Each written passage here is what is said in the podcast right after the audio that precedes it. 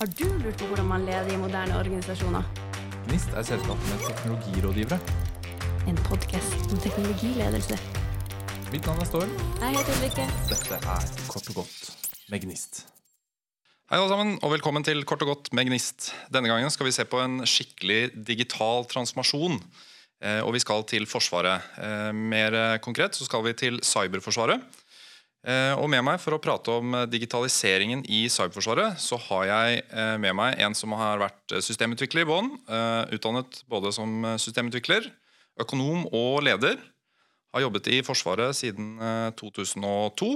Vært eh, i Afghanistan i internasjonale operasjoner og har i sin forsvarskarriere vært i mange lederstillinger innen IT. Nå er han sjef for forsvarets, eh, Cyberforsvarets digitaliseringsavdeling. Velkommen, Stian Norløf. Tusen takk. Kan ikke du bare begynne med å fortelle lytterne våre som kanskje ikke kjenner Forsvaret så godt, hva er eh, Cyberforsvaret for noe? Ja, Cyberforsvaret, eller for å ta cyberdomenet først, da, så ble det anerkjent av Nato som eh, det fjerde krigføringsdomenet. Eh, Det tror jeg var på et møte i Warszawa sommeren 2017 eller noe sånt noe. Og, og vår rolle da, i, i Forsvaret det er å levere IKT-tjenester, eh, digitalisere og sikre og forsvare Forsvarets del av det digitale rommet. Så Det betyr at vi sikrer ikke hele Norges eh, IKT-systemet. Vi, vi sikrer Forsvarets del av det digitale rommet. Eh, Men så var det sånn at uh, dere har nå nylig gjennomført det dere selv kaller en digital transformasjon, og som, og, og som mange selskaper har gjort da, de siste årene. Hva var det som gjorde at dere ønsket å kjøre en digital transformasjon? Det var vel først og fremst erkjennelsen av at de, de litt tradisjonelle fossefallsmetodene da, de, de hadde ikke nok fart. Idet den kaller, mange kaller den fjerde industrielle revolusjonen tok fart, så, så, så hadde ikke vi nok kraft i organisasjonen til å kunne følge det tempoet der. Og da måtte vi gjøre noe da, for at eh, tilbudet skulle nærme seg eller møte etterspørselen da, etter digitalisering i Forsvaret. Så det, er egentlig den grunnleggende årsaken.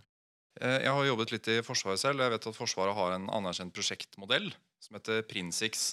Eh, har dere brukt den tidligere? Ja, vi bruker jo den når vi har sånne såkalte PIN-kodeprosjekter, eller prosjekter som blir definert som prosjekter fra en viss eh, budsjetterings- og finansieringsmodell. Så, så kjører man sånne prosjekter som da får en firebokstavsforkortelse. da. Uh, hovedsakelig så, så, så leverer vi både prosjekter og det man kaller løpende drift og vedlikehold og utvikling og digitalisering. da. Og, og vi ser kanskje at trenden er i ferd med å gå litt fra at man slutter å snakke om prosjekter, men litt mer satsingsområder. Og det er klart at den Prinsix-modellen den er relativt eh, statisk og, og lite tilpasset det, og, og det er en liten utfordring som vi jobber med. Men det er også noe som andre deler av offentlig sektor har som et fokus. da. Og, og det har jo kommet bl.a. En, en veileder for digitaliseringsprosjekter i offentlig sektor. Jeg lurer på om det er Finansdepartementet som har kommet ut med den. Og den sier noe om hvordan man kan gjøre smidige prosjekter innenfor en Prinsix-kontekst. Men, men det er en krevende oppgave. Veldig kult. Eh, Men hvorfor landet dere på akkurat eh, smidighet? Det var litt fordi at eh, hvis vi ser litt tilbake hva jeg har gjort, da, så så så vi for en tre-fire år siden at Cyberforsvaret må, må gjennom en betydelig omstilling for å kunne møte den ja, fjerde industrielle revolusjon, kunne levere femte generasjons kampfly, møte den etterspørselen og den transformasjonen som er i markedet. da. Og da tok rett og slett sjefen min, da, sjefen for Cyber, Inge Kampenes, han tok meg ut av min linjelederjobb og ba meg om å lede en utredergruppe, som vi gjorde i hele 2020, hvor eh, utkommet av dem var en modell, eller en rapport som vi kalte for operasjonell modell for økt digital endringstakt. Hvor eh, vi prøvde å se hva er det som er gjort i offentlig sektor, hvordan har man jobbet i privat sektor, hva er trendene i markedet, i Nato, i verden, og hvordan kan vi tilpasse de faktorene der vår verden, da. Og, og den rapporten da, den prøver i, i, etter beste evne å beskrive hvordan vi kunne gjøre en sånn digital transformasjon. Og den har vi brukt som en slags uh, veileder. Etterpå, når vi har da begynt å, å reorganisere cyberforsvaret sånn, og havnet der vi er i dag, da, med Cyberforsvarets digitaliseringsavdeling, som jeg leder. Eh, veldig interessant å, å, på en måte gjøre en så grundig analyse først, og så se ok, hvordan kan vi som etat eh, faktisk bli smidige med de rammene og sånn som vi har. Hvordan gikk dere frem for å faktisk innføre denne endringen? Jo, det vi, det vi gjorde, da, og, og, der føler jeg meg egentlig litt heldig, for at i det øyeblikket vi var ferdig med den eh, rapporten, det var da i slutten av 2020, begynnelsen av 2021 så tok vi en bit av Cyberforsvaret og dro ut og laget en pilotorganisasjon. Sånn litt sånn grovmeislet organisasjon som vi kalte Pilot digitalisering og innovasjon, for å prøve å se hvordan vi kunne implementere dette her i en litt sånn skreddersydd del av, av cyberforsvaret. Da. Og da, da, hadde vi et år hvor vi både prøvet og feilet for å for å gå fra tradisjonelle måter til smidig, samtidig som vi skulle eh, finne ut hvordan den nye organisasjonsformen skulle være. da. En ting som eh, vi innen smidig coaching eh, legger veldig vekt på, er at må, det, å, det, å, trekke ut og lage en parallell organisasjon det er helt kritisk, for ellers så får du på en måte indre krefter som driver slåss litt mot hverandre. Det nye mot det gamle. Så det høres veldig lurt ut at dere har gjort det. Når dere har startet med denne transformasjonen og og begynte å gjøre det. Hvor er det dere har hentet inspirasjonen deres fra? Inspirasjonen hentet vi først og fremst fra alle de offentlige og private instansene vi snakket med når jeg gjorde den rapporten. Eh, vi snakket med f.eks. Nav og Skatt, og vi snakket med en del private bedrifter. Vi, vi snakket med veldig mange som er mye, kommet mye lenger enn oss og er mye flinkere enn oss. holdt jeg på å si. Og så lot vi oss inspirere av de, pluss også teori. da, Rammeverk, da, hvordan, hvordan man skal gjøre ting. Og, og, en kanskje viktig lærdom vi har gjort, det er at vi, vi, er ikke en, vi har ikke blitt eh, evangelister for den eller den metoden. Vi, vi, anvender mange forskjellige metoder, det som passer for oss. Og Det samme gjelder f.eks. innenfor skalert smidig. Da, eller, altså Så man kan anvende rammeverket SAFE, eksempel, som gjør at man kan orkestrere veldig mange parallelle produktteam. Og vi har mange parallelle produktteam. Da har vi tatt de bitene av dette SAFE-rammeverket som passer til oss. altså Vi har latt oss inspirere av det. Og så har vi brukt det som passer, og så har vi droppet alt det andre og gjort det på vår egen måte der. da. Jeg underviser jo en del både i Safe og i Less med et annet sånn rammeverk. og det, det, virker som at det er det som veldig mange gjør feil. Det er at De tenker at å, jeg skal drive softwareutvikling. Jeg bare installerer eh, Safe, og så går det bra. Og Det har jeg vært med på eh, folk som har prøvd, og det fungerer veldig veldig sjelden. da. Så det er veldig kult at dere på en måte henter litt det dere har lyst til. da. Eh, fra hvert enkelt rammeverk. Eh, hvilke ting er det dere har hentet som du mener har hatt mest effekt?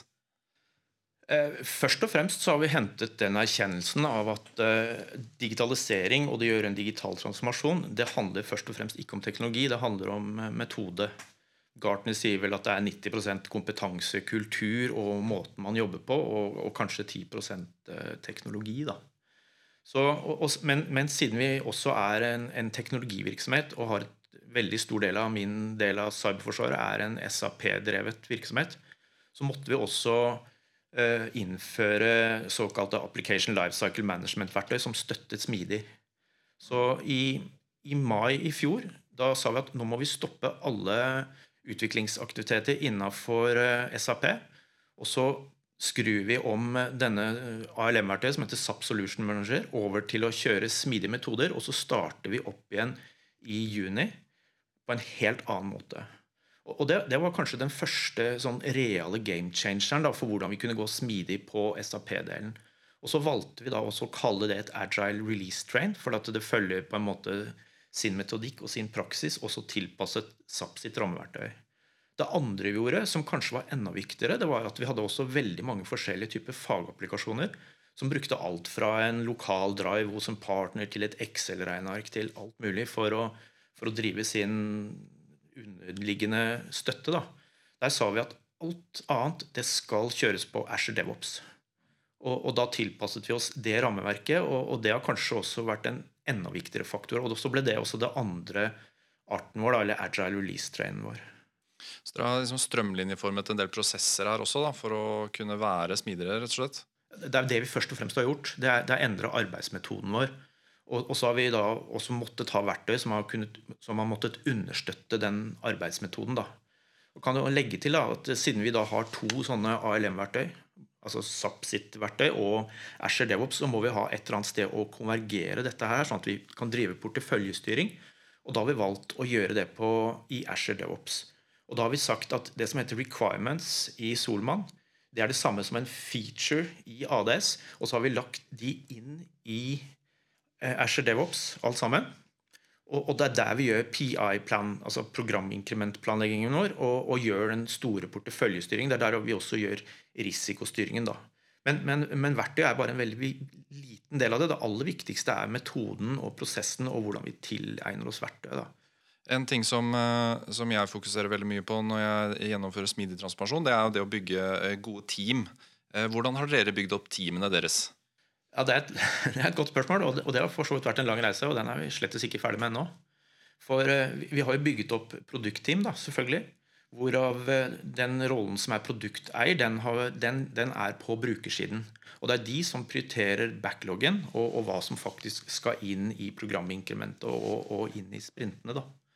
Så, så, det å få med seg brukersiden her, det har vært en helt avgjørende faktor. Og det har også kanskje vært en av de viktigste drivkreftene er at vi skal gå fra den gamle måten hvor IKT leverer basert på en kravspekk, til at uh, vi gjør det sammen. Det er faktisk brukersiden, det er business-siden som skal digitaliseres, så skal vi hjelpe dem. Og, og da, har, da, har, vi sagt at hvis dere skal ønsker å digitalisere deres del av uh, av virksomheten, så må dere stille med de og de og de rollene. Og så skal vi stille f.eks. med Scrum Master, med løsningsarkitekter, løsningseksperter, utviklere osv. Og, og så har vi begynt å bygge team på den måten der. Og, og, noen team er litt større, og noen team er litt mindre. Og der vil jeg si at eh, vi, vi skrur på det der hele tiden for å tilpasse oss både hva etterspørselen er, og behovene, og, og hva kapasiteten er. Men samtidig så prøver vi å, å lage så faste team som mulig. Sånn at uh, folk kjenner det de jobber med. Og, det er også sånn den, vår underliggende organisasjon ligger. Da. Den ligger i det er, det er, et sett med avdelinger som vi kaller produktområder, og så er det et sett med faste produktteam innenfor hvert produktområde. Det er veldig interessant det at du sier at eh, teamene skal være langtlevde. For eh, en av ulempene med sånn prosjektteam er at de har ikke noen grunn til å bli skikkelig gode. For de skal ikke være sammen eh, over tid. Hvor lenge har dere holdt på med den transformasjonen her nå? Vi startet i, for et drøyt år siden. Og, og, nå kjenner vi Og så kan du si at vi, vi, vi, startet ordentlig smidig på det arten som drev med SAP ERP. da. Det startet egentlig akkurat på den tida her i fjor. Og så har vi merket at produksjonsvolumet går litt opp for hver eneste release vi gjør. Altså Vi blir litt bedre for hver gang. Og, og brukeren opplever, og det sier de veldig tydelig, at de, deres opplevelse er at time to market fra de har et behov, til det blir satt i produksjon, det er mye mye raskere. I tillegg til at vi faktisk produksjonssetter og lager det de ønsker, og ikke det som ligger i en backlog som har ligget der i 18 år. Hva er, eh, hva er liksom neste steg nå? Hvilke utfordringer ser dere som dere har lyst til å prøve å forbedre neste året? Det er å bygge spesielt tydeligere governance i Forsvaret. da. Altså På brukersiden. Du, du var litt innom Prinsix og, og prosjektstyring i Forsvaret tidligere. Og, og, og, det vi må jobbe hardt for nå, det er at det, den daglige digitalisering, den daglige utviklingen og produksjonen må smelte sammen med prosjektregimet, sånn at det blir én funnel da, eller én trakt som går inn i backloggen vår sømløst. Og, og det krever at uh, vi gjør en del for at brukersiden skal synkronisere seg og koordinere seg godt. Og det, det er helt avgjørende så lenge man skal gå skalert smidig. Og, siden vi jobber på, ofte på tunge ERP-systemer hvor veldig mange produktteam anvender de samme informasjonsobjektene, så må vi faktisk styre dette her ganske grundig på, på et sånn arkitektonisk, teknisk arkitektonisk vis, da, sånn at vi ikke tukler det til for hverandre. Det, det, er veldig viktig for oss. Og Da må må også være helt sikre på at de prioriteringene gjør, at de er, de er godt samsnakka i, i, linjen, altså hos våre brukere. Så det, det blir vårt fokus framover, å hjelpe de til å bli enda bedre på det og få et overliggende styringsregime som støtter det vi kaller digitaliseringsfabrikken. Hvis vi syns det er litt kult å kalle det det. Mm, ja, det er kult. Eh, jeg ble litt interessert i det du nevnte i stad at dere har produkteiere i måte, forretningen. Eh, og Det er sikkert litt uvant for de. Eh, hvordan, hvordan har de håndtert det å på en måte få et ansvar inn nesten daglig, kanskje? Det syns jeg de har håndtert overraskende bra. Og så må jeg si at det er en smule strekk i feltet her også. Noen har gått veldig all in. Men så har egentlig etter hvert folk skjønt, da, og litt flåsete sagt, hvis ikke dere blir med på dette her, så blir det ikke noe på dere. Da, da, da, vi har så stor backlog, vi har så mange ting å gjøre.